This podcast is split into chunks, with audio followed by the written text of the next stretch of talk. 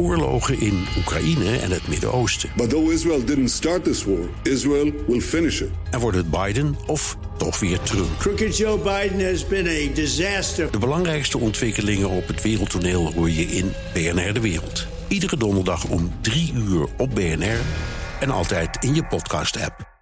Dit is een podcast van BNR Nieuwsradio. Welkom bij de Technoloog, aflevering 36. Klopt. Welkom Ben. Ja, welkom Herbert. Fijn dat we er weer zijn. En welkom Hans Bos van Microsoft. Ja, dankjewel.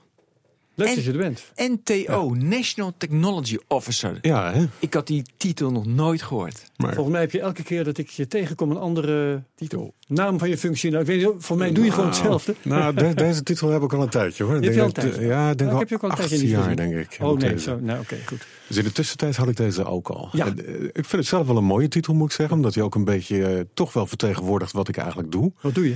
En dat is een combinatie inderdaad van eh, technology. Vandaar de technology officer. Het gaat allemaal over technologie, de innovaties, nieuwe dingen die Ja. we namens Microsoft naar de markt mogen brengen.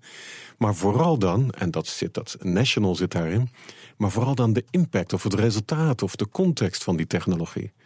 Dus eh, waar een Chief Technology Officer, een CTO, zich eigenlijk meestal vaak eh, echt met de technologie bezighoudt, de bits, de bytes, de details, bij wijze van spreken, houdt een National Technology Officer zich vooral bezig met de resultaten, de gevolgen en de mogelijkheden. Oké.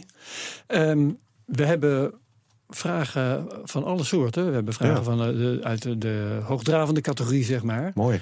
Maar ik heb er ook even een, een of twee van de laag bij de grondse categorie. Nou, ik ben heel benieuwd, Herbert. Waarom moest Paint weg? Waarom is Paint weg? Mooi.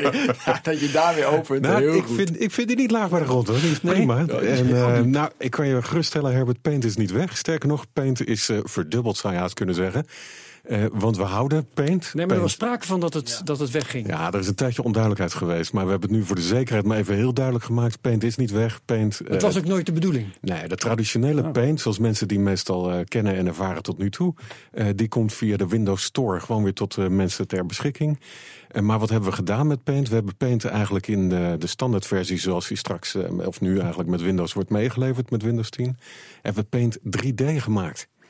Dus Dat was toch al zo? Naast, nee, naast de gewone paint die er eh, dus via de store beschikbaar wordt Ja. gemaakt. Die is 2D eigenlijk gericht. eh, gericht. Kun je hele mooie eh, bitmap illustraties en tekeningen mee maken. Dat is een prima tool, geweldig. Hebben we nu Paint 3D. En die maakt het eh, ja, laagdrempelig, heel makkelijk. Om ook echt 3D tekeningen en 3D manipulaties te doen in je tekeningen. En dat werkt bijvoorbeeld heel leuk samen met 3D printers of met eh, Ja. holographics eh, tooling. Goed, dus het was nooit de bedoeling dat Paint zou ophoepelen. Verontschuldigingen voor de verwarring. Ja, hoe- eh, waar komt dat door? Dat, Dat eh, weet ik niet, Herbert. nee. Wat denk jij? Nee, dat weet ik ook niet. Ik ja, niet. De journalisten zullen het alweer gedaan hebben. nou, dat zou ik niet beweren. Maar ik denk dat het heel duidelijk was dat we Paint 3D hebben geïntroduceerd. En ik denk dat daar heel veel aandacht en energie naar is gegaan. Mm. Ja, ja. En dat mensen daardoor dachten van, hé ja, dat is mooi Paint 3D. Maar wat gebeurt er dan met de, de gewone of de oude Maar zo- Paint? zo- eh, maar zo'n Paint, is Paint dan een, een dingetje voor Microsoft? Een dingetje van, ja, ik heb software en dat is Paint. Het is niet de kern. Nou ja, de- Lijkt wat, mij. Natuurlijk wat is de kern? Nee, ja, maar, is- nee, maar dat is wel interessant. Want Ja. ik, de vraag waar ik het kom, wat, wat ik heel erg mee zit. Ja. Weet je, wat is Microsoft? Wat doen ze? Wat is de rol van Microsoft in het, inderdaad, in het hele ecosysteem van technologie? Oké, dat, En is, dan dat is de waren heel- die richting die hoogdravende vragen, was dit? Nee, nee, Ja. nee, nee, nee. En dan, ja, ofwel, maar dat, eh, maar dat doet niet toe. En dan is, Ja. weet je wel, ehm, weet je, is de basis was natuurlijk heel erg Windows. Windows, dat is de, eh, eh, eh, zeg maar de basis. Daar is alles omheen gebouwd. En Paint is voor mij, ja, heel leuk, weet je wel. Ik neem dat, no- dat soort berichten neem ik nooit zo serieus. Nou, dat, ik, eh, kijk, eh, natuurlijk zijn er kernproducten van Microsoft. Die, eh, daar kun je op allerlei perspectieven en manieren kun je daar naar kijken. Een van de manieren is waar verdient Microsoft het meeste geld aan? Prima. Wat wordt het meest gebruikt? Dat is ook een mooie blik, et cetera. Maar wat is belangrijk, is eigenlijk wat de gebruiker, wat de consument, wat ik als individu, wat ik aan waarde uit die producten of diensten haal. En als je het vanuit dat perspectief bekijkt, dan is Paint eigenlijk altijd best een interessant en belangrijk onderdeel geweest. Net zoals voor, dat, eh, voor zo'n discussie, net zoals patiënts bijvoorbeeld. Ja. Er zijn heel veel mensen die er echt van genieten. En dat is prima en dat is heel belangrijk. En dan kan ik wel zeggen, ja, maar Windows, eh, dat is de basis, dat is de infrastructuur, maar dat is een technisch verhaal. Het menselijke verhaal is dat er heel veel mensen genieten van Paint. En is er niet een duidelijk, want nu is jouw, eh, weet je, het gaat om wat, hoe, hoe de mensen het gebruiken in die waarden. S- Dat was Microsoft toch jarenlang, dat is toch het verhaal van de laatste jaren. Als ik Microsoft door de jaren, was veel minder belangrijk. Het is, weet je, we hebben Windows op, overal op. En dat is bestuur, weet je, dat, dat is de kern. Nou, Of is dit niet iets van de laatste jaren? het, het mensgericht zijn, het gebruikergericht? Ja, het echt gebruikersgericht zijn. Nou, ik denk dat het eh, altijd wel in Microsoft zat. Eh, maar dat we ook met eh, de fasering door de tijd heen, zeg maar, eh, de focus of de missie hebben aangepast. Kijk, toen Microsoft begon, wat was dat? Even uit mijn hoofd 1978 ongeveer met, eh, met Bill Oeh, ja, Gates. dat, dat zou je beter moeten weten dan ik. eh. laten we dat aannemen dan. Dan ja, zou- dan voor, zeg ik voor 1980 1980 toch wel, hè? Toch Ja. wel. We Dus laten we zeggen het googlen. 1978 en dat was Bill Gates als eh, de algemeen directeur, de CEO.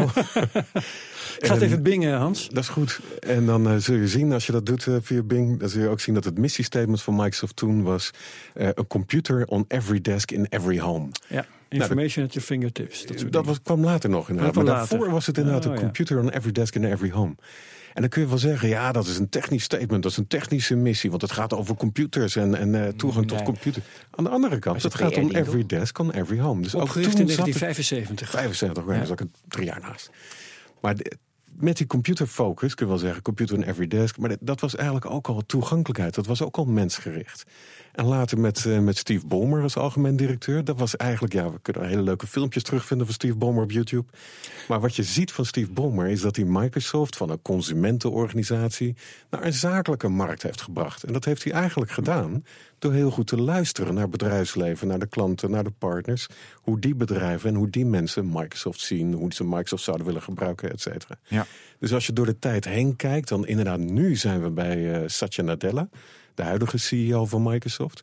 En die heeft een ontzettend mensgericht missiestatement ook. Daar staat letterlijk, in mooi Engels staat er, eh, dat Microsoft staat voor We empower every person and every organization on the planet to achieve more. Nou, daar zit het heel letterlijk in, hè? every person. Ja. Dus we zijn vanuit Microsoft eigenlijk door de tijd heen van misschien technisch, maar eigenlijk toch stiekem al mensgericht. Van een computer on every desk and every home. Verschoven en doorontwikkeld naar we empower. We zetten mensen in hun kracht.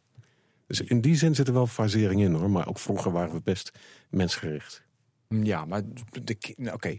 Ja. Maar toch echt, nou ja, dat was de, voor mij is echt wat, wat, wat, Mhm. ik, wat ik interessant vind, is wel van ja, gewoon een monopolie, weet je, overal, ja, iedereen een PC, dus iedereen heeft Windows, iedereen heeft Microsoft producten. En eh, nou, mooi monopolie.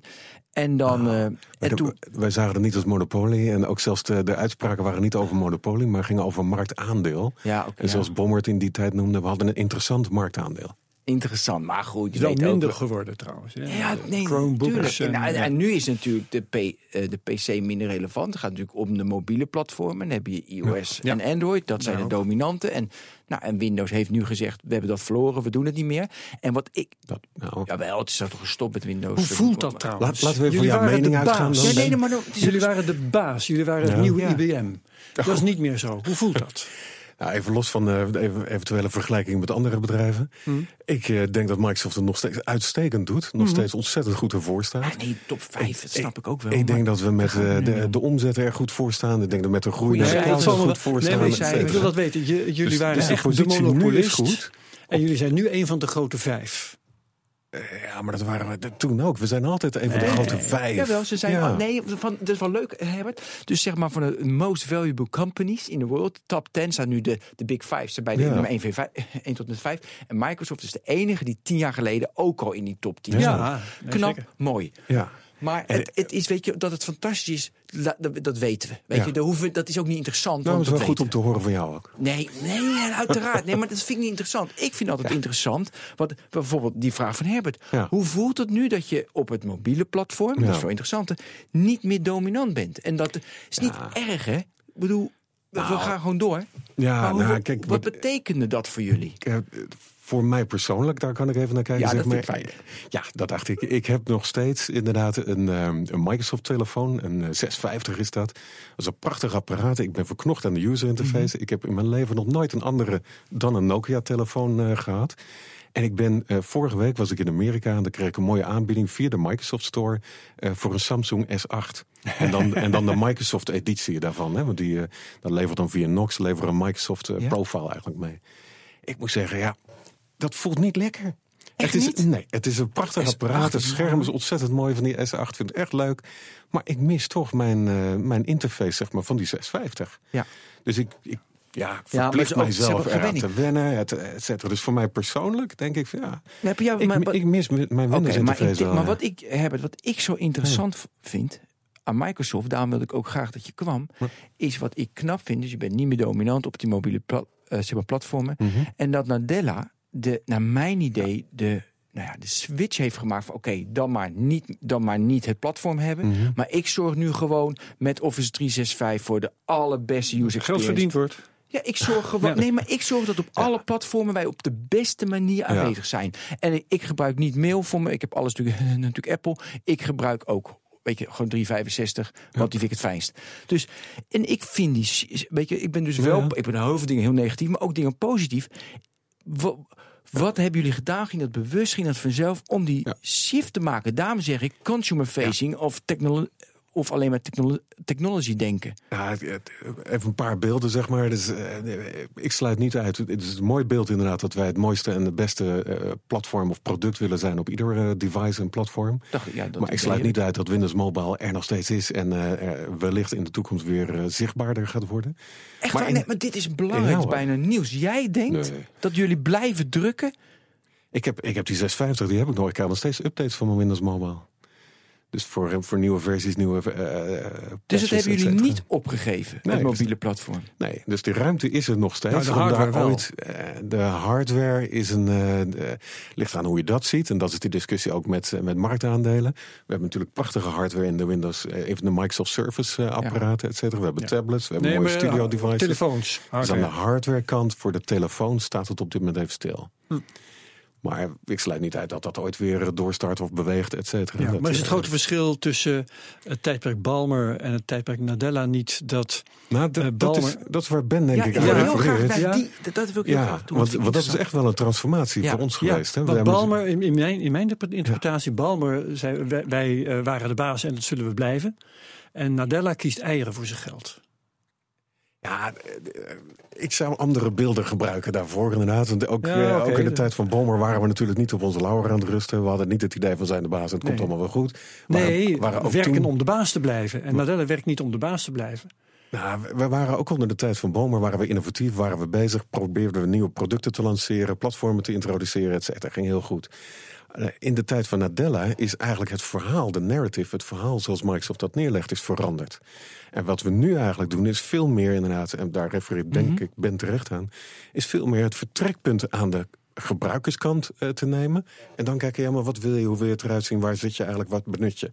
En dan de te redeneren welke producten en diensten van Microsoft passen daar het best bij. Ja, en dat is dus veranderd. Naar Dat mijn is wel- idee ja, de ik denk laatste dat je twee, daar- drie Ik jaar. denk dat jij gelijk Ja. hebt. Toen ik, eh, nou, ik denk eh, inmiddels twaalf jaar geleden begon bij Microsoft. eh, dan ging je aan de lunchtafel zitten in de kantine bij ons. En dan was het gesprek was altijd... eh, we hebben fantastisch product in Windows. We hebben een mooie Office-versie. We hebben een nieuwe Xbox game. Nee, nee, kijk eens hoe gaaf de feature is. En verkopen, dat was een, een ander bedrijf waar ik daarvoor heb gewerkt. Die had Oh. die focus tijdens de lunch. Microsoft was de lunchgesprek ging altijd over features en over mogelijkheden. En kijk eens hoe mooi dat is en fantastisch. En wat je nu ziet bij de lunchgesprekken bij Microsoft, die zijn ook veranderd. Naarmate Microsoft zelf ook natuurlijk door zijn transformatie heen gaat, zijn onze lunchgesprekken ook anders. We hebben het nu over, ja, maar wat doet die klant er eigenlijk mee?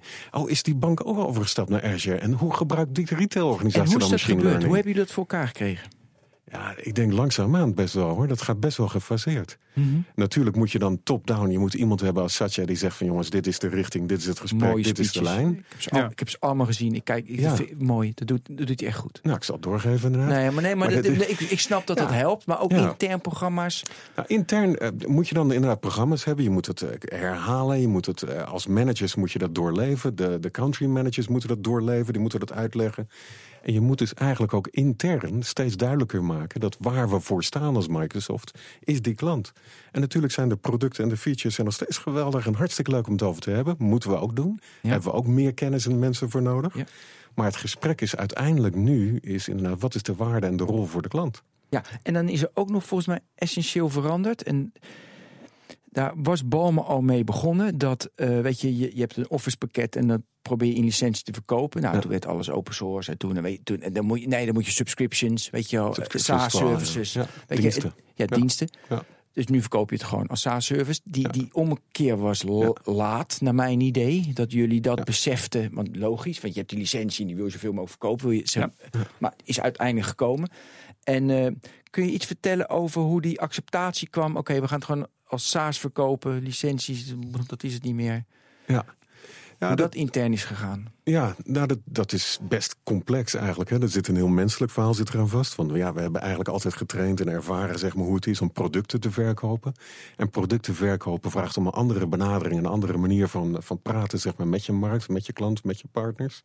En nu moeten we Ja, maak het een- concreet gelijk. Dus Nou, andere manier. Een, product, heel simpel, wat ik ook vaak eh, wel, wel intern, maar ook extern vertel. Is bij een product verkopen zit je in zo'n zo'n situatie, wat de Romeinen altijd noemden van eh, caveat emptor. En van hier heb je het product, eh, succes ermee, alle risico's, of je het kan gebruiken, of je het achteraf leuk vindt of niet. Alle Ja. risico's zijn voor de klant. Even heel gechargeerd, is dat met name de, de, de benadering bij een product. Je kan een product verkopen en drie jaar later terugkomen en vragen hoe het was. Weet je, dat kan bij een product. bij een dienst niet. Nee. Bij een dienst moet je Iedere gaan week uit- optimaliseren. Precies, je moet iedere week, iedere keer moet je met de klant in gesprek en zeggen van hoe gebruik je het nu? Ik ben nog steeds tevreden. Heb je meer gebruikers, heb je minder gebruikers? Heb je, hoe komt dat? Dus je moet bij een dienst, moet je echt een dialoog met je klant, met de gebruiker, met de markt, over hoe je product wordt gebruikt. En dat is een hele grote verandering voor mensen, voor ons intern. Dat is ook een verandering voor onze partners. Arbeidsintensiever lijkt me. Het is arbeidsintensiever. Het is ook leuker, als ik eerlijk ben. Eh, Het is ook leuker om de de contacten onderhouden met je markt en met je klanten te begrijpen hoe Maar het ze kost meer geld. je product. Het, nou, dat hoeft niet per se. Eh, het is wel zo, als je daar, eh, dat is, ik ben geen financial officer, maar als je de, de rapportages ziet, dan is de marge, zoals dat traditioneel heet in de financiële wereld, de marge zeg maar, op een dienst is over het algemeen lager dan de marge op een product. Ja. Dus kost het meer geld, weet ik niet, maar de marges zijn Nee, anders goed, en daar maar- moet je ook je salesmodel wel op inrichten. Ja. Ja, ja want eh, eh, van Windows en Office op de CD's en DVD's, zal ik maar zeggen. Daarvan werd gezegd dat is in feite een, een manier om bankbiljetten te printen. En het is in het dienstenmodel eh, minder. Ja, ik heb bankbiljetten printen, dat is weer een andere hobby. Maar inderdaad... eh, je- Ja, die je- marges je zich, Herbert heeft gelijk. Ja, nou, je productie is anders bij een product natuurlijk dan bij een dienst. Bij een dienst heb je andere kosten. Want ons verhaal bij clouddiensten, wat dan meestal de verzamelnaam is voor de online eh, diensten die Microsoft biedt. Het verhaal bij de clouddiensten is dat de klant geen eh, upfront kosten meer heeft. Hè. Die doet eh, minder capital expense, zoals dat dan heet. Dus je kan, eh, heel, ja. je kan heel snel beginnen, inderdaad, met laten we zeggen 100 computers, 1000 computers voor je machine learning omgeving, prima.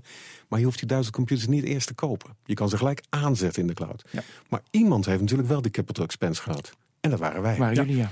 Dus het verschil wat je daar ziet, ik kan wel zeggen dat online diensten eh, geld drukken bij een product, et cetera. Maar dit- het hele model zit gewoon heel anders in elkaar.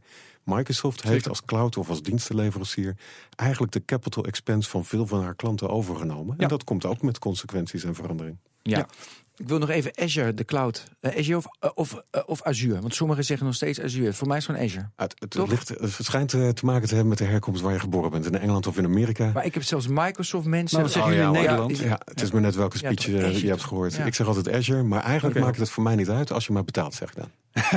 Wat ben je ook een commerciële ronze. Ja, dat is dat officer deel bij de eh, ja, maar ik, oké, maar ik wil het nog even houden bij eh, zeg maar Office, bij de SaaS-service, in, die- Ja. in die ommekeer die jullie maakten en, en, en, da- en dat accepteren. Ja. Eh, heb je, dus ik, is dat. i- is dat over die marge, weet je, op de, zeg maar wat Herbert zei, is die, zit dat, eh, is, zit daar de groei, weet je, 500.000, 500 miljoen gebruikers nu van Office? Ja, getal uit mijn hoofd goed. Ehm, zie je van, oké, ik zie die, voor mij is dat gewoon gekapt nu. Het is, of niet? Dat we een plafond bereiken aan de Ja, die- nee, die- nee, nee, nee. S-curve is toch niet? Nee, nee, nee. nee een paar dingen. Sowieso zit er nog ruimte zeg maar, in die eh, Office als een SaaS-dienst. Of in onze termen Office 365. Daar zit nog steeds eh, ruimte in eh, om te groeien. Ja, Waar komt die ruimte dan? Juist. Nieuwe markten, nieuwe klanten die bereikbaarder worden omdat je, je prijs bijvoorbeeld nu per maand of per gebruiker anders is dan voorheen Ja. bij een product. Want je kunt ze ook afpakken van je concurrenten. Je kan ze eh, ook nog van de concurrent halen, maar je kan ze vooral bereiken zeg maar, via nieuwe markten. Mhm. Eh, die tot nu toe ook internationaal nieuwe markten, die tot nu En toe welke zijn dat? eh.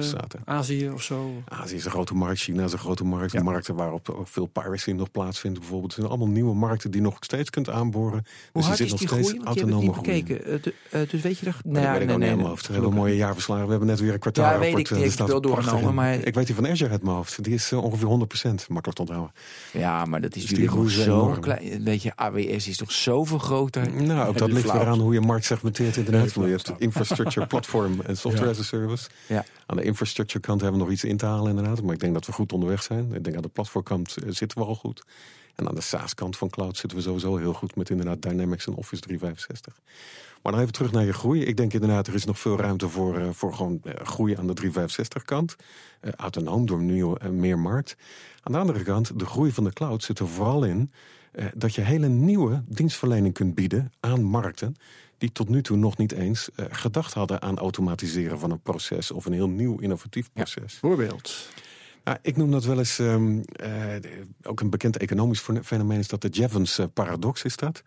Jevons was een, eh, een onderzoeker in eh, een paar honderd jaar geleden. Kun je ook opzoeken via Bing.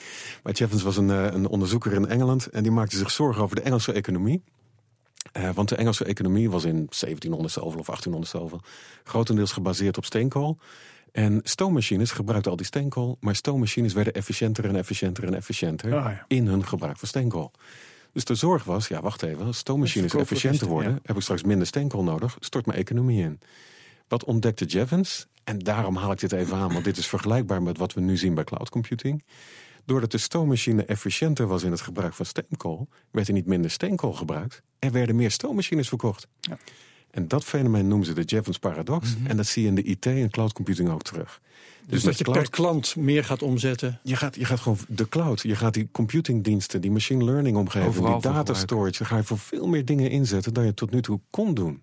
Want even een simpel voorbeeld. Ik kan nu naar eh, de mediamarkt toe lopen, om even een voorbeeld te noemen. En ik zeg van, joh, doe mij eh, één computer voor onbepaalde tijd. Nou, dan zullen ze misschien zeggen, wat formuleert u die vraag raar, maar hier is de computer. Maar ik kan niet naar de mediamarkt en zeggen, doe mij 10.000 computers voor een uurtje. Ja, Ze kijken je aan, dat, dat gaat niet gebeuren. Maar juist dat is in de cloud natuurlijk een heel mooi voorbeeld van een scenario die je ineens wel kan aanvullen. Oké, dus dan laten we Office nu even zitten. Dat is, Mhm. eh, en nu gaan we naar de cloud. Nu gaan we naar Azure. Ja, we hebben, ja, dus we zijn al mee bezig, maar voor mijn hoofd is het wel makkelijk om dat Ja. even zeg maar, te scheiden in, zeg maar, in businesses. Ja. Oké. Eh, dus iedereen, eh, ik kan, ik kan voor een uur kan ik 10.000 computers huren. En wat voor fantastische businesses die hebben mensen opgezet die ze een jaar geleden nog niet deden. Ja. Nou, het eh, scenario die me nu te binnen schiet. Ik doe vanuit mijn rol heel veel de laatste tijd in de financiële sector bijvoorbeeld. Maar een van de scenario's die me te binnen schiet. We hebben een partner, Towns Watson, eh, Towers Watson heet hij. Die doet heel veel analyses op verzekeringen, bijvoorbeeld verzekeringsportfolio. En wat ze dan doen voor banken, voor financiële instellingen, is het risicoprofiel van bijvoorbeeld een eh, community eh, indexeren. Dan zeggen ze, je hebt 100 eh, leden in die community, die 100 hebben dit risicoprofiel. Dan betekent het dat je voor per verzekering ongeveer dit bedrag moet vragen, wil het winstgevend of duurzaam zijn. Weet je dat idee? Zo'n berekening voor een community, voor een groep, voor een, een deel van, een, eh, van de mensen, dat, dat kost je dagen af en toe. Omdat een heel complexe berekening blijkbaar achter zit, met heel veel factoren, dat weet ik zeker, heel veel data, heel veel formules, et cetera. Wat zij hebben gedaan, ze hebben gezegd, nou, met de cloud kunnen we inderdaad 10.000, 100.000 computers voor een tijdje aanzetten om puur deze berekening even snel te doen. En wat ze nog nooit eerder hebben kunnen doen, maar dankzij de cloud wel, is zo'n verzekeringsberekening doen voor 7 miljard aardbewoners. Gewoon tegelijk. Wat zou het kosten om iedereen op de planeet te verzekeren? Nou, dat kon niet on-premise, dat kon niet in eigen datacenters. Maar met de schaal van de cloud kan dat wel. En hoeveel procent van jullie eh, hardware is daar dan even mee bezig? Ja, dat eh, is lastig in te schatten. We doen geen publicaties over hoeveel servers we in totaal hebben. Nee, nee. Je kan wel inderdaad in de financiële cijfers van dit kwartaal terugzien dat we 3 miljard dollar in het afgelopen kwartaal hebben geïnvesteerd in capaciteit. Dus dat zegt iets, denk ik, Ja. over de snelheid van investeren in die capaciteit. Dat, En het, eh, het, eh, het, het mooie is waarom dat eh, in de cloud kan, of het nou bij Microsoft is of bij Amazon of waar dan ook. ehm, dat is dat je een hele hoop capaciteit hebt en dat nou, de ene klant doet het het ene moment en de andere klant heeft dat nodig op een ander moment. Dus dat gaat mooi. Ehm, maar hoe vari wat voor variaties zitten er in die belasting van dat netwerk van jullie? Is dat, kan dat van het ene moment op het andere 10% schelen? Of is dat 1% of is dat 15%? Nou, dat, dat sowieso moet dat zo min mogelijk variëren. Dus, eh, je wil het liefst natuurlijk... Hoe minder het varieert, hoe minder je nodig hebt. eh, hoe minder je uiteindelijk aan, aan onze kant de de capital expense Ja. nodig hebt. Precies. Dus je wil eigenlijk die pieken afvlakken en de Mhm. dalen ook afvlakken. Dus je wil eigenlijk altijd zo'n beetje rond het gemiddelde zijn. Dus je raakt daar een van de, de, de dynamieken, zeg maar, waar we nu als Microsoft continu naar kijken. En dat is inderdaad, kunnen we voorspellen wat eh, de belasting gaat zijn van die workloads, van die, eh, door die klanten of door de markt. Dus als een nieuwe klant intekent op Azure, als een nieuwe klant intekent op onze online diensten, dan willen we eigenlijk graag zo vroeg mogelijk weten hoeveel ga je er gebruik van maken, welke workloads ga je benutten, et cetera. En wanneer? Zodat- En wanneer, zodat we dat kunnen incalculeren zeg maar, in de investeringen van ons datacenter en in de beschikbaarheid. Dus dat is sowieso een vertrekpunt. We proberen Ja. dat af te vlakken voor Maar mijn vraag was gewoon, eh, als je in de praktijk kijkt, van nu, van gisteren, van de afgelopen maand. Hoeveel procent liggen de pieken en de dalen uit elkaar? Nou, de- daar doen we geen uitspraken over. Daar was De ik database- voor. Ja, weet je, de databasemarkt en dit soort infrastructuur is highly Dat competitive. is eh, mooi koersgevoelige informatie. Nou, meer concurrentiegevoelige informatie Mm. inderdaad. Dus, dus, dus daar doen we geen uitspraken over. Maar wat ik wel kan zeggen is, we vlakken dat zo liefst eh, zoveel mogelijk af. We proberen dus inderdaad voorspelbaar te zijn, zeg maar, naar onze klanten. Maar andersom, onze klanten ook graag eh, naar ons toe. Dus we, we experimenteren daar wat mee. Daar kan ik wel iets over vertellen. We hebben dus bijvoorbeeld in, eh, in Engeland hebben we twee eh, datacenters. Zodat de Engelse klanten bijvoorbeeld data residence, zoals dat mooi heet, kunnen doen. Dus Engelse klanten kunnen hun data binnen het Engels eh, grondgebied houden. En wat blijkt dan? We hebben twee datacenters daar. één in Londen en één iets noordelijker daarvan. Nou, ik weet het niet exact, maar dat is UK Noord heet die in, in het systeem. En wat blijkt, eh, gebruikers in Engeland, eh, als ze dan een datacenter willen kiezen voor Microsoft, je zou zeggen, nou ja, het maakt niet uit welke van die twee je kiest, maar ze kiezen altijd voor Londen. Waarschijnlijk omdat het meest aanspreekt, waarschijnlijk omdat ze dat leuk vinden. Londen, dat komt meest overeen met Engeland. Ik kies voor Londen, Londen, Londen. Dus wat blijkt, het Londen datacenter loopt langzaamaan voller dan haar mirror, dan haar kopie in het noorden van Engeland. Dus we gaan experimenteren inderdaad om te kijken of we daar de belasting kunnen sturen. Zoals in marketingtermen heet, je doet bijvoorbeeld een AB-vergelijking. Ik ga misschien dat andere datacenter, alfabetisch verkeerd, iets hoger zetten. Kijken of mensen dan het andere datacenter kiezen. Dus Herbert, je hebt gelijk. Het is een eh, punt van aandacht continu. We kunnen er weinig over vertellen vanwege concurrentieproblemen of eh, verschillen of meningen. Oh, ik wist niet dat het zo ging. Maar we sturen er wel heel veel op. Oh, ik dacht dat jullie gewoon zelf stuurden, gewoon UK, en of je nou naar Noord-Engeland of eh, zeg maar, of Dus mensen kiezen dan een datacenter. Ik dacht Heel dat goed. jullie dat zelf routeerden. Nee, heel goed. Want dat is een van de fundamentele verschi- verschillen zeg, met andere cloud providers. Soms hoor je wel eens discussies over de cloud is dit of de cloud kan dat, et cetera. Maar iedere cloud van iedere leverancier ziet er eigenlijk in de architectuur eh, anders uit. En aan de Microsoft kant is het bij eh, Office 365 bijvoorbeeld zo. Als je als Nederlandse klant voor Office 365 kiest... en je verandert niks aan je contract, je onderhandelt niet... je wil gewoon zoals die is... eh, dan krijg je 365 aangeboden vanuit datacenters in de regio Europa. En dan staat je klantdata altijd in de regio Europa, zoals we dat noemen. En dat is in verband met de discussie die er wel geweest is over eh, waar, staat je data en wie is er dan de baas over en wie kan ze eventueel opvragen. Dat, dat heeft daar zeker mee te maken. En dat we wisten dat dat soort discussies eraan zaten te komen. Natuurlijk uit ervaring met onze partners en klanten uit het verleden. Want zoals je terecht had opgezocht, we bestaan al sinds 75. Dus we hebben wat ervaring opgebouwd. Dus we wisten dat dit een goed idee was voor onze architectuur. Om datacentercapaciteit naar regio's eh, te verdelen. Dus we hebben inmiddels 40 regio's wereldwijd voor bijvoorbeeld Microsoft Azure. Want daar kan de klant zelf expliciet in haar contract of in haar werkwijze aangeven: ik wil mijn Azure workload laten landen in Nederland, in Engeland, in Ierland of. eh, een En wat de is intussen de 40. status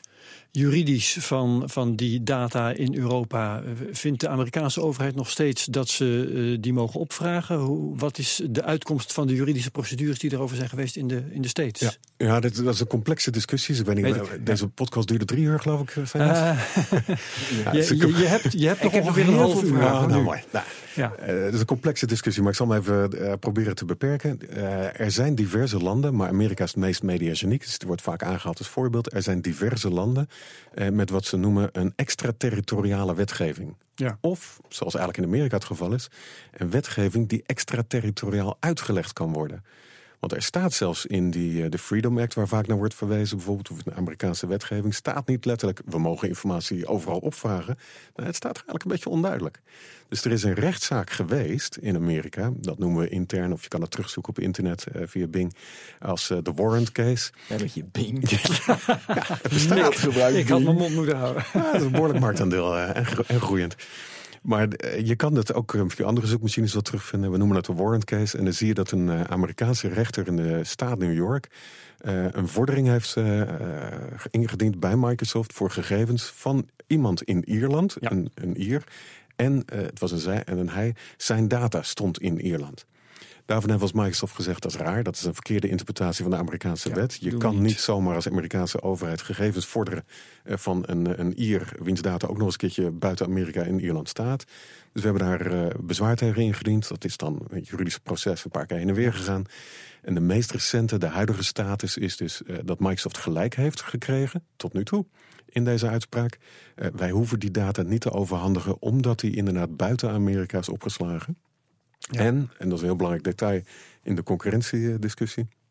En omdat eh, die persoon er bewust voor heeft gekozen, inderdaad, om een account aan te maken. waarvan die willens en wetens wist dat die data dan eh, in Europa zou worden opgeslagen. Dat is een beetje een En, detail. eh, maar ik neem aan, omdat je, je zegt de huidige stand van zaken, dat gaat nog wel uitgevochten worden tot en met het Hoge Rechtshof. Nou, dat sluit ik niet uit, maar dit Ja. is de huidige stand en daar zijn we erg tevreden mee. En daar kunnen we mee, mee door. En het geeft ook veel rust en duidelijkheid in de markt. Eh, wat we hopen dat alleen nog maar duidelijker wordt, is als de Amerikaanse wetgeving nog verder wordt aangepast om dit expliciet te maken als, eh, als statement, als Zeker. vertrekpunt. Oké, eh, Maar overigens, je noemt Amerika als voorbeeld, hè, maar er zijn dus echt meerdere landen en ook Nederland natuurlijk. We hebben ook best wel wat aandacht gehad voor de wet op de inlichtingen en veiligheidsdienst. De WIF. Ja. Dus we moeten wel continu op blijven letten wat overheden allemaal proberen te formuleren in, in wet en regelgeving rond toegang tot data. Ja, want wat, eh, dat, klinkt alsof je, alsof je zegt, eh, eh, Nederland is ook zo lievertje niet. Wat staat er in die wet inlichting en veiligheidsdienst dat jou niet bevalt? Ja. dat Microsoft niet bevalt? Het, het klinkt niet alleen alsof ik zoiets suggereer. Het, het klinkt hopelijk vooral als een statement vanuit Microsoft dat wij altijd voor de rechten en de belangen van onze klanten staan. Ja. Dat we daarin zo transparant mogelijk zijn. En dat we inderdaad internationaal, ook in Amerika als voorbeeld, de, rechts, de gang naar de rechter zeg maar niet schuwen. Om dat recht voor onze klanten en onze gebruikers te halen. Ja. En in Nederland zijn we op dit moment erg alert inderdaad over de ontwikkelingen rond de WIF bijvoorbeeld. En de wetgeving rond eh, computercriminaliteit, cybercriminaliteit. Maar concreet, wat, wat staat daarin wat jullie niet van prettig de- vinden? Nou, we hebben dat gepubliceerd. Dus ook dat kun je bingen inderdaad als een ingezonden Zeker. bericht zeg maar, bij de consultatie van de Nederlandse overheid over die, die wet en regelgeving. Een van de dingen die ik eruit kan lichten, even uit mijn hoofd zo, is dat wij het ja, onverwacht en, en ongewenst vinden hoe op dit moment eh, geformuleerd is. Dus dan kan er de praktijk nog gunstig uitvallen. Maar hoe het nu geformuleerd is, dat er ruimte eh, is ingeregeld voor toezicht op de eh, veiligheidsdiensten in Nederland. Dus de veiligheidsdiensten krijgen meer en innovatievere mogelijkheden. Nou, enigszins begrip voor uiteraard, want de wereld verandert. Het is allemaal innovatief en dat, dat geloof ik allemaal wel. Maar vervolgens is het wel heel belangrijk dat er adequaat toezicht en onafhankelijk toezicht is op die veiligheidsdiensten. Hoe ze die data gaan ophalen uit eh, de Dat infrastructuur zich ook aan netwerken. houden. En daar maken we ons zorgen over hoe dat nu is geformuleerd, bijvoorbeeld. En bij de wet op eh, computercriminaliteit, om daar iets uit te lichten, daar maken we ons zorgen over eh, het gebrek aan afbakening voor wat populair heet terughekken door Ja. Nederlandse justitie. Dus wij snappen innovatie, we snappen de behoefte aan, aan ruimte, prima. Maar hoe het nu is geformuleerd, daar hebben we wel een aantal zorgen over. Ja. Helder. Had je verwacht dat het deze kant op zou gaan, dit gesprek? ja, ook. Ja, Oh, mooi. Nou, kijk. Ehm, jij niet? Nee, ik, ik, zag Oké. jullie, ik denk jullie gaan het nog hebben over de Xbox. Zag ik? Nee, joh, dat komt, nee, doen? doen we misschien niet of wel. Dat weet ik nog niet. Maar ik wil Oké. eerst de cloud nog weten. Oh, ja. Oké, we, hebben, we, hebben, we hebben AWS, we hebben Azure en we hebben Google... die verschrikkelijk agressief is op dit moment in de Nederlandse markt... om die cloud services te in te douwen. Ja. Marktendeel is niet eens de helft van jullie, maar ze zijn echt agressief. Hè? En dan heb je nog IBM, maar die is natuurlijk klein. Oké, dat zijn even de vier dus die er nu zijn. Het onderscheidend vermogen, nou dat is prijs, maar naar mijn idee de tools en services die je aanbiedt als AWS of als Azure, waarop die bedrijven mooie dingen kunnen maken. Weet je, machine learning, toch? Of een ander onderscheid? Ja, maar ja, ik zit al fout. Mooi, vertel. Nou, je zit op zich in de goede richting. En, en de voorbeelden die je noemt vind ik ook mooi inderdaad. Want ik denk dat we daar ook onderscheidende verhalen omheen hebben... over de features en de eigenschappen en de mogelijkheden. Maar een van de grootste en misschien wel de meest genoemde... en, en eh, aangehaalde eh, verschillen in de markt... door onze klanten en partners... is dat je bij Microsoft... wij zijn waarschijnlijk de enige partij in deze hele discussie... die kan zeggen, beste klant, de keuze is er nu. We hebben nog steeds serverproducten die in het datacenter kunnen draaien van de klant zelf. En als de klant daar een argument of een verhaal of een perceptie bij heeft, prima. En als er ruimte is inderdaad voor het gebruik van de Microsoft online diensten vanuit Microsoft datacenters, hebben we daar ook een verhaal voor. Dus de grootste onderscheidend vermogen zit eigenlijk daarin dat we inderdaad hybride kunnen aanbieden, hybride cloud, combinaties. En daar is misschien wel leuk om even aan te halen dat soms is de verwarring, ja, hybride cloud dat betekent ik kan of-of. Maar het, het sterkste verhaal is eigenlijk, het is en-en. En, en. Want wat je ziet bij de hybride cloud aan de kant van Microsoft, dus Azure vanuit het Microsoft datacenter en voor mij part Windows Server en SQL Server vanuit het datacenter van de klant of partner. Het sterke is dat je dezelfde tooling voor bijvoorbeeld security kunt gebruiken, dezelfde tooling voor, eh, voor identity, dus het is een gedeelde identiteit tussen de Microsoft datacenter en de klant datacenters. Het is gedeelde software development via Visual Studio. Het is SQL Server die over die datacenters van de klant en die van Microsoft heen kan opereren. Dus dat vind jij een groter zeg maar, advantage ten opzichte van dan Ja. de tools en de services die je helpen om je om betere analyses te maken, eh, machine learning, noem, weet je, noemde ik al. Dat, dat is een minder onderscheidend vermogen. Ik dacht Ja, dat dat. van- vanuit mij. Hè? Dus als, als je ja, het maar dat Microsoft- zou voor jullie. Als je het aan mij vraagt, wat vind je het grootste verschil? Dan is dit het grootste verschil. Maar net zoals aan Maar het ja, begin dat is zeg maar... straks toch weg over een paar jaar. Want dan, Nou, dat ben ik benieuwd. Ik denk dat we dit onderscheidend vermogen nog wel lang vol kunnen houden. Ja. Maar, maar dus dit is mijn onderscheidend vermogen. Dus als je mij vraagt, wat vind jij het grootste verschil? Dit. Dat hybride en dat keuze laten aan de klant. Maar net zoals aan het begin, als je het omkeert...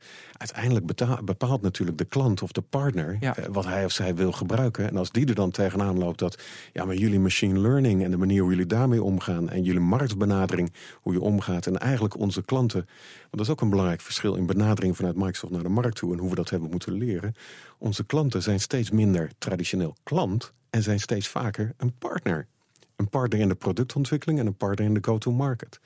Een mooi ja, voorbeeld. en hoe ziet dat businessmodel dan eruit? Nou, een mooi voorbeeld is uh, Thijs de Krupp. Uh, dat zijn de mensen die die, die lift en de roltrappen maken bijvoorbeeld. Nou, die gebruiken Azure voor uh, machine learning. En die gebruiken Azure Machine Learning voor predictive maintenance. Dus die hebben gezegd, ja, maar ik vind Azure, onderscheidend vermogen van Azure ten opzichte van het andere aanbod, is hoe jullie omgaan met machine learning en de, de algoritmes en de ruimte en de store, de winkel eigenlijk, voor al die algoritmes die jullie bieden. Krachtig, prachtig verhaal. Daarom wil ik eigenlijk Azure. Vervolgens zijn we met ze in gesprek gegaan. Zeggen, ja, maar dat service model. Maar waarom dan eigenlijk? Wat, waar, hoe wil je Azure inzetten? Toen kwam het verhaal eruit dat Thijs de Krupp het wilde gaan gebruiken voor predictive maintenance. Dus voorspellend onderhoud. Een lift herstellen voordat die defect gaat. In plaats van wachten tot die kapot is en iedereen er last van heeft. -hmm. Toen zeiden we, ja, maar wacht even, predictive maintenance, dat is slim. Dat is goed over nagedacht. Dat vraagt vakkennis. Dat vraagt praktijkervaring. Dat vraagt inzicht in die markt en in die branche. Wat nu als jullie een partner worden in plaats van een Azure klant? Wat nu als jullie een partner worden ja, met Microsoft? Jullie die algoritmes ook kunnen gebruiken. En we gaan jullie helpen inderdaad jullie algoritmes uh, te vercommercialiseren. Maar ja. dat niet alleen. We gaan jullie ook helpen met jullie inzichten rond predictive maintenance. Dat in te zetten op, voor mijn part, de lift en de roltrappen van de concurrent. Uh, ja, of op jullie eigen serverpark. Of op servers, op hardware doen we het ook. Hè? Maar ja, dat is weer een heel andere. Drie uur zei je. Dus op hardware hebben we ook nog een heel verhaal inderdaad. Hoe je met hardware omgaat in die, uh, in die hyperscale datacenters. Want dat is ook een hele andere benadering. Ja, kunnen we nog over hebben. Maar dan help je ze dus te integreren in jullie cloud. Dan helpen we ze sowieso natuurlijk onze cloud optimaal te benutten voor hun probleem, voor hun oplossing. Zeker. En zit maar daar een business in die consultancy? Zit daar ja, dus, dus voor hun, voor de klant, voor de partner. Want Thijs de Krupp verschuift dus eigenlijk van een gebruiker van onze diensten naar een partner voor Microsoft om uit te leggen in haar eigen markt en te benutten hoe Azure Machine Learning voor predictive maintenance kan worden ingezet. Ja, dat is voor hun. Maar hoe ziet jullie.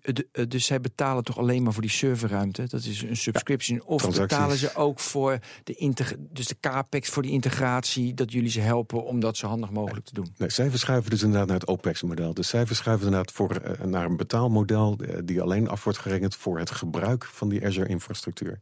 Dus zij verschuiven van hardware, van computing, van ICT-investeringen, van CAPEX naar OPEX. Ja. Maar zij verschuiven vanuit ons perspectief, vanuit Microsoft perspectief, eigenlijk ook van klant naar partner. En dat is een heel boeiende discussie.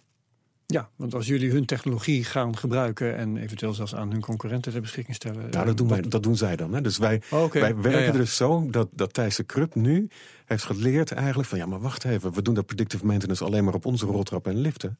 Maar het is zulke uh, specifieke kennis en inzicht.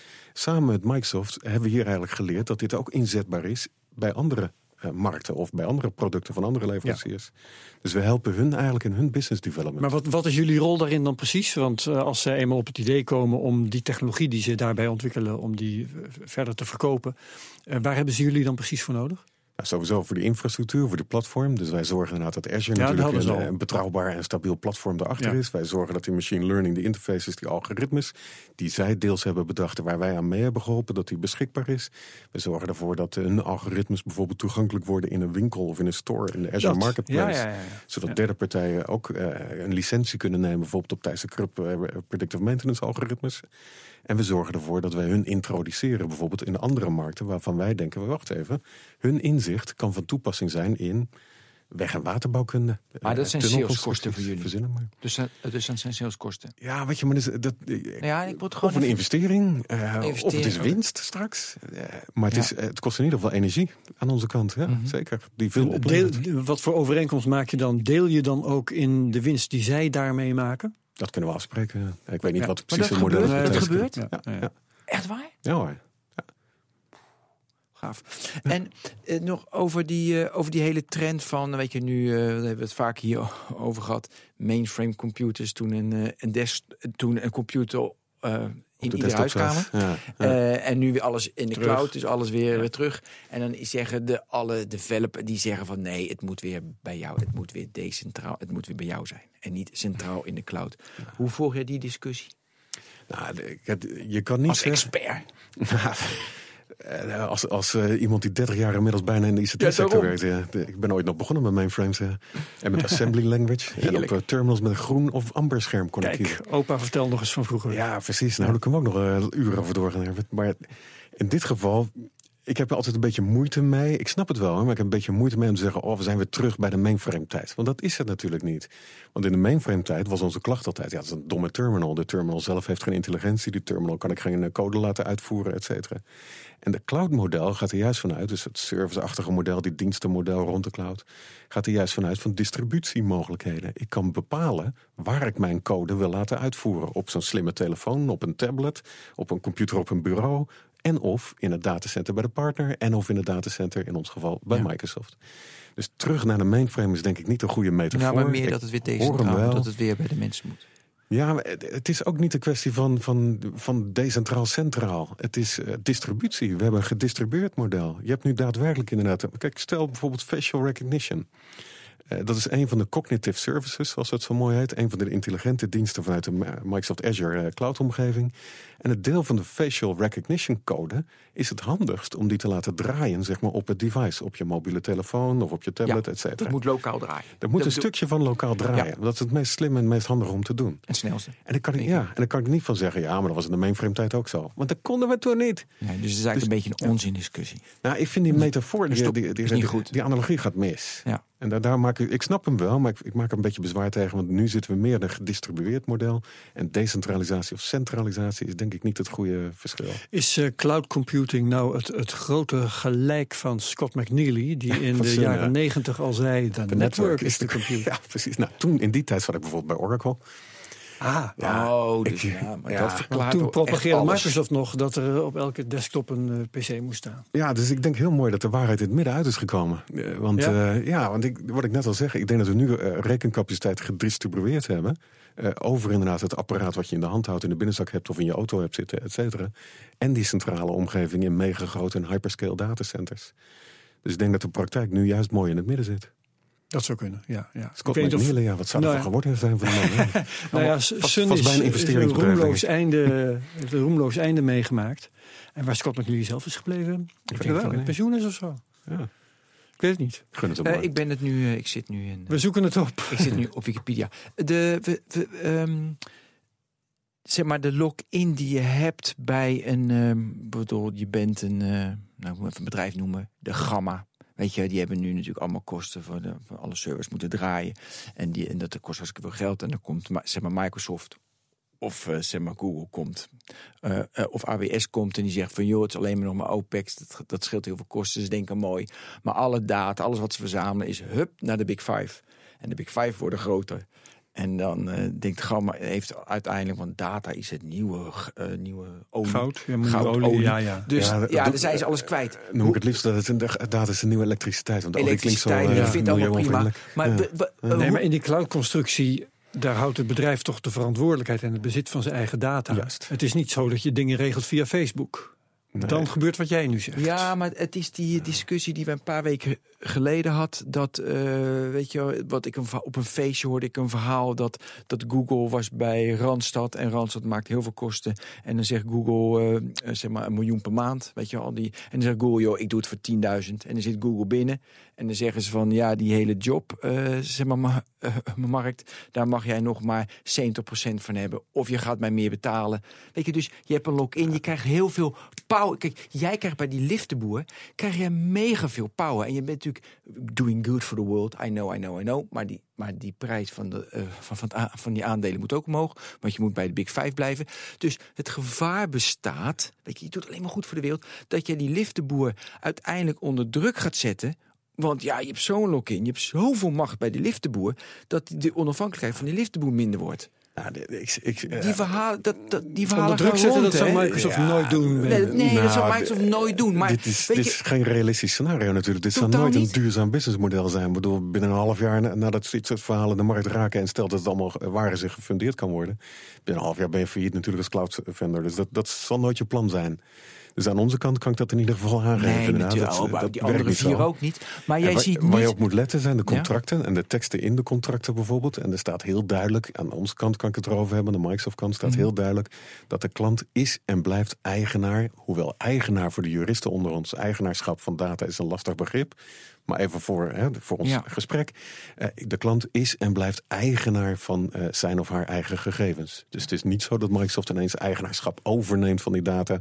En zegt, nou wat een leuk businessmodel had u, dat eh, gaan wij nu doen. Ja, maar wat ik nu wel zie in de markt is dat heel veel klanten dus van jou, die Mhm. hebben liever niet dat ze alleen maar afhankelijk zijn van Microsoft of van Google Ja. of van Amazon. Dat Ja. ze denken van, hey, ik, oké, mijn basisplatform, dan doe ik een Ja. stukje in Azure, ik wil een stukje. Google, ik wil, ik wil, weet je zelf, on-premise en ik wil, eh, ik doe allemaal modules, weet je, container van dit, van dit, zodat ze zelf, de, inter- de, int- zelf de, het vermogen hebben om nog te snappen hoe het zit, Ja. maar niet afhankelijk zijn van één, want dat vinden ze gewoon link. Nou, en Ja. daar hebben ze denk ik een goed punt. Dus Oh, eh, en mijn ervaringen zo zegt. Hoe vanuit makkelijk kun je in de praktijk overstappen dan? Nou, de, de, mijn Van ervaring bij de financiële sector bijvoorbeeld. We hebben een toezichthouder in Nederland, dat is de DNB. Die houdt toezicht op ICT-risico's in de financiële sector.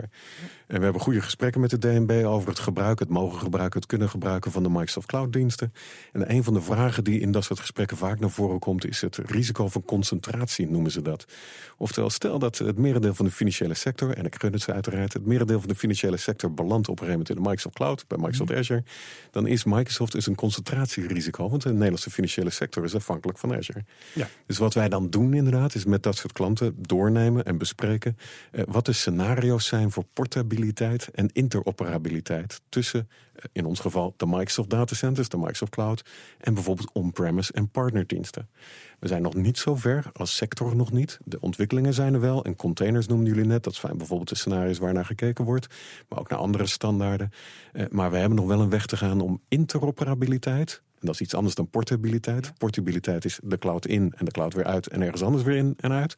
Portabiliteit kunnen we wel, vooral ook juist aan de Microsoft kant, omdat onze clouddiensten allemaal gebaseerd zijn op de standaarden, de open standaarden die je ook kent van eigen datacenters en producten, et cetera. Dus portabiliteit kunnen we wel, de in en uit. Interoperabiliteit, dus rechtstreekse interactie tussen een dienst, in ons geval de Microsoft Cloud, en een clouddienst van een derde, geland in een andere infrastructuur bijvoorbeeld. Ja. Interoperabiliteit is vaak nog eh, voorzien van afhankelijkheden, complexiteit, et cetera. Mhm.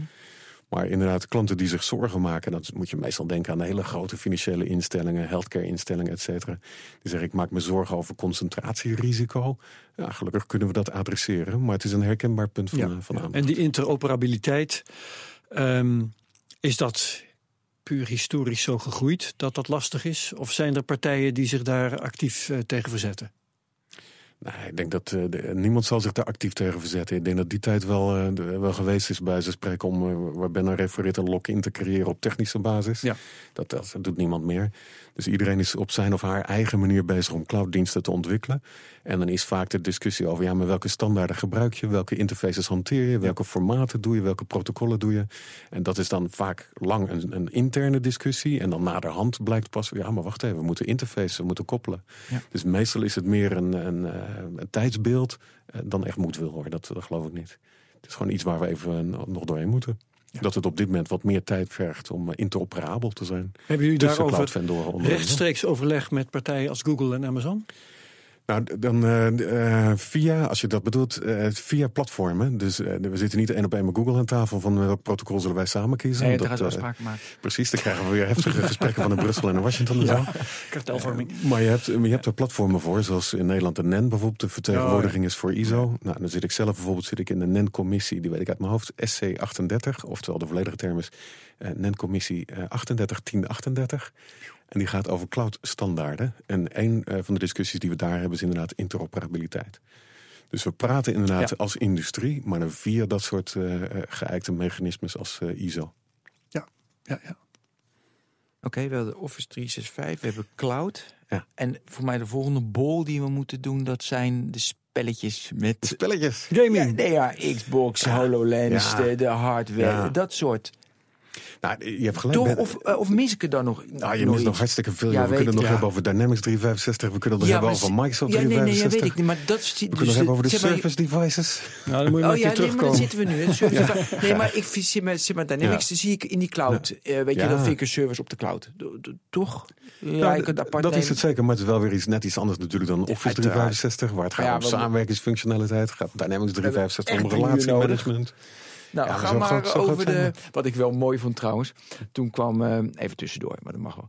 Toen, toen kwam deze. Toen was de lancering van die MacBook Pro.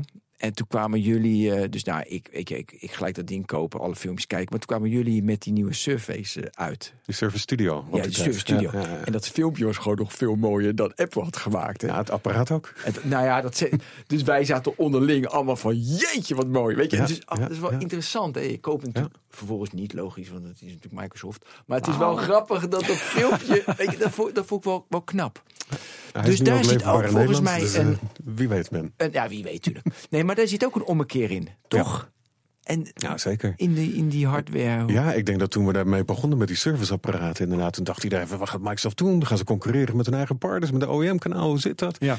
En toen probeerden we iedere keer al uit te leggen, nou, het is een combinatie dat we daar natuurlijk ook geld mee willen verdienen, maar het is vooral bedoeld als inspiratie voor het kanaal, om te laten zien hoe mooi PC's er nog steeds uit kunnen Ik zien. zou willen weten hoe dat, hoe dat bij jullie is. eh, hoe, hoe dat bij jullie uitvalt.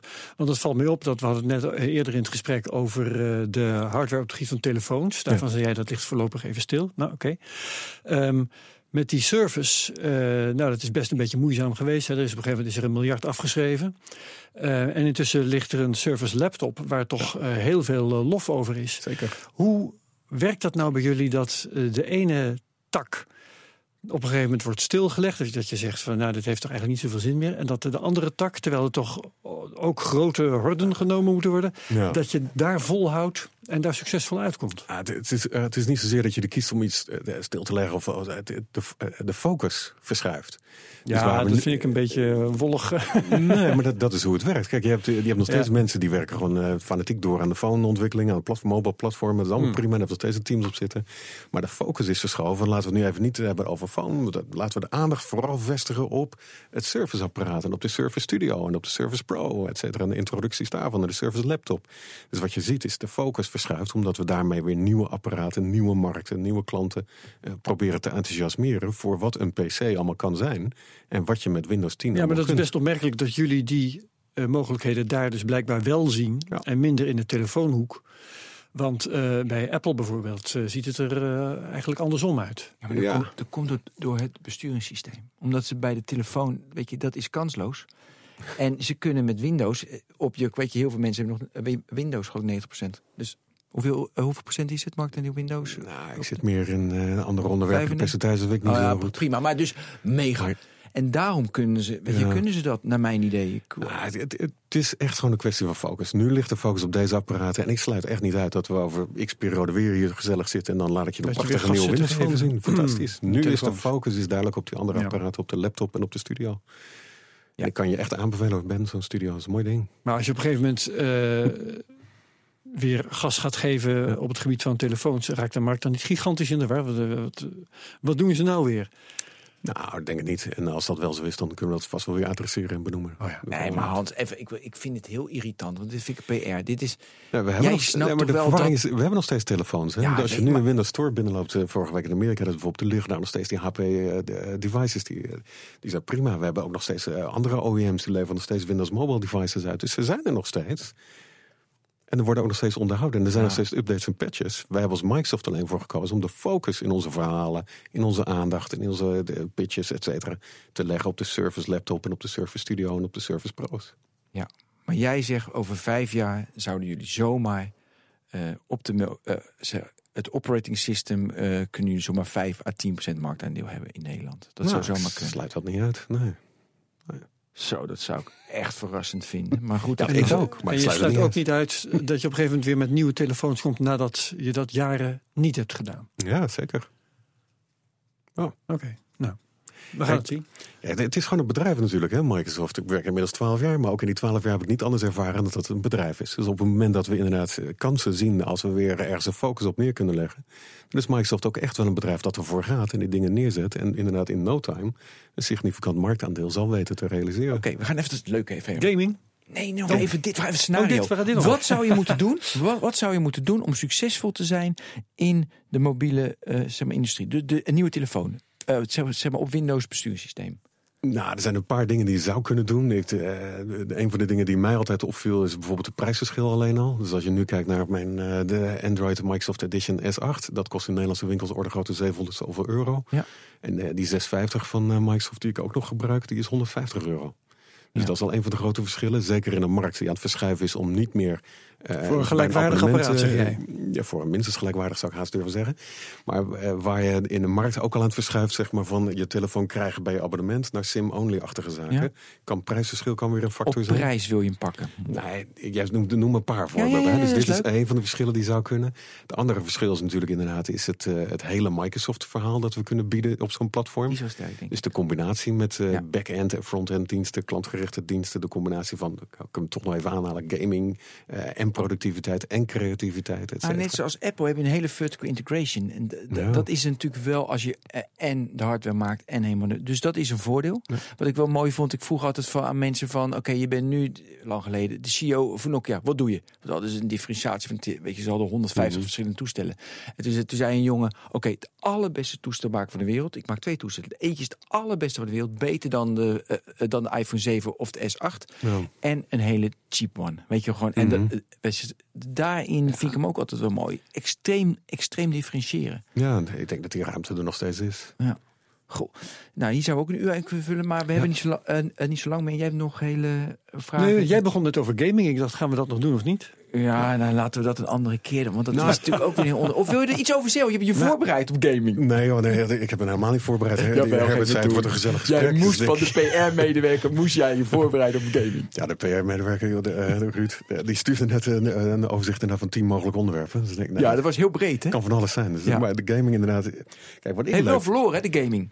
Nou, de Ja, die Xbox, dat, eh, die nieuwe X, die Xbox X heet die toch? Xbox One X. Ja, maar niks. Die is toch niet Nou, zo die moet nog naar de ontvangen. markt, eh, die moet nog beschikbaar komen. Ja, maar, ze eh, waren niet zo enthousiast bij de lancering. Nou, ik denk dat eh, eh, dat komt heus wel goed. Als, Ja? eh, ik weet niet wat jij hebt gelezen, maar ik heb alleen maar enthousiaste de verhalen gelezen. Met name over de mogelijkheid inderdaad om 4K eh, gaming inderdaad te doen met de Xbox One X. Want dat vind ik zelf ook, eh, kijk ik naar uit bijvoorbeeld. Ik weet niet of je de filmpjes hebt gezien van Forza 7 bijvoorbeeld. Maar het ziet er echt zo. bizar geweldig uit. Ja.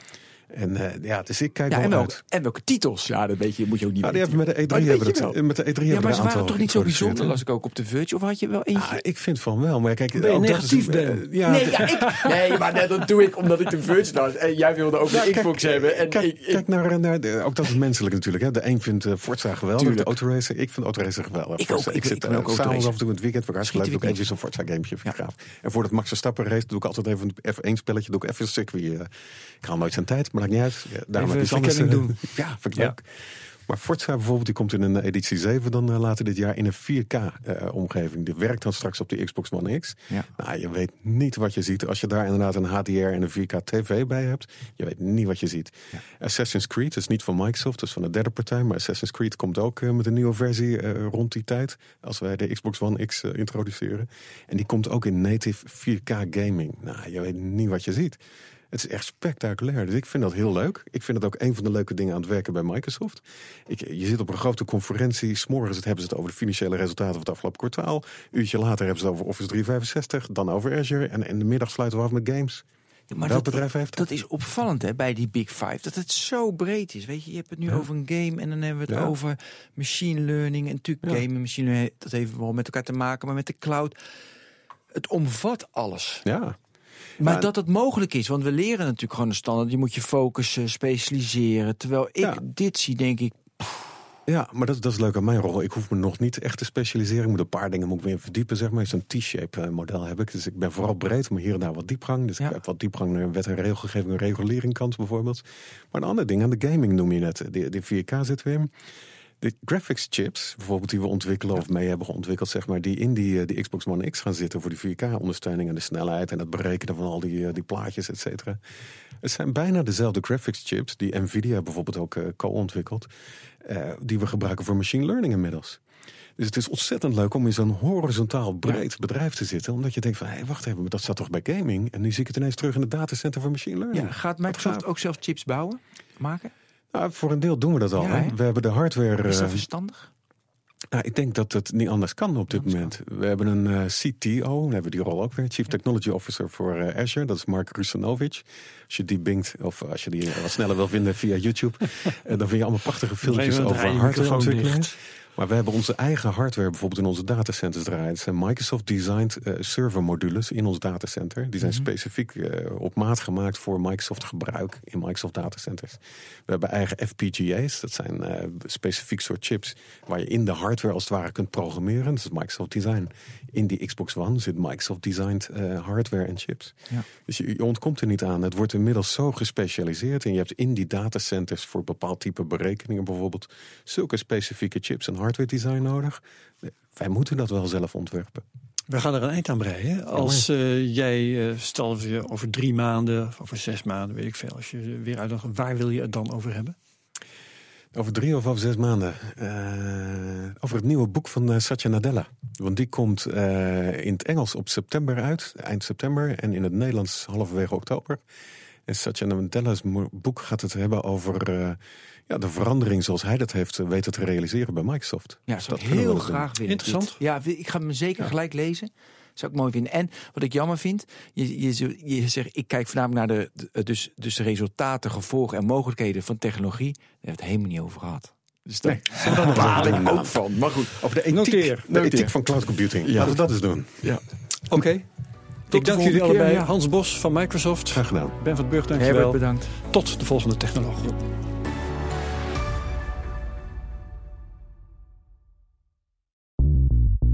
Bij BNR ben je altijd als eerste op de hoogte van het laatste nieuws. Luister dagelijks live via internet. Bas van Werven. En heel langzaam komt de zon op rond dit tijdstip. Je krijgt inzicht in de dag die komt op BNR, het Binnenhof in Nederland en de rest van de wereld. De Ochtendspits. Voor de beste start van je werkdag. Blijf scherp en mis niets.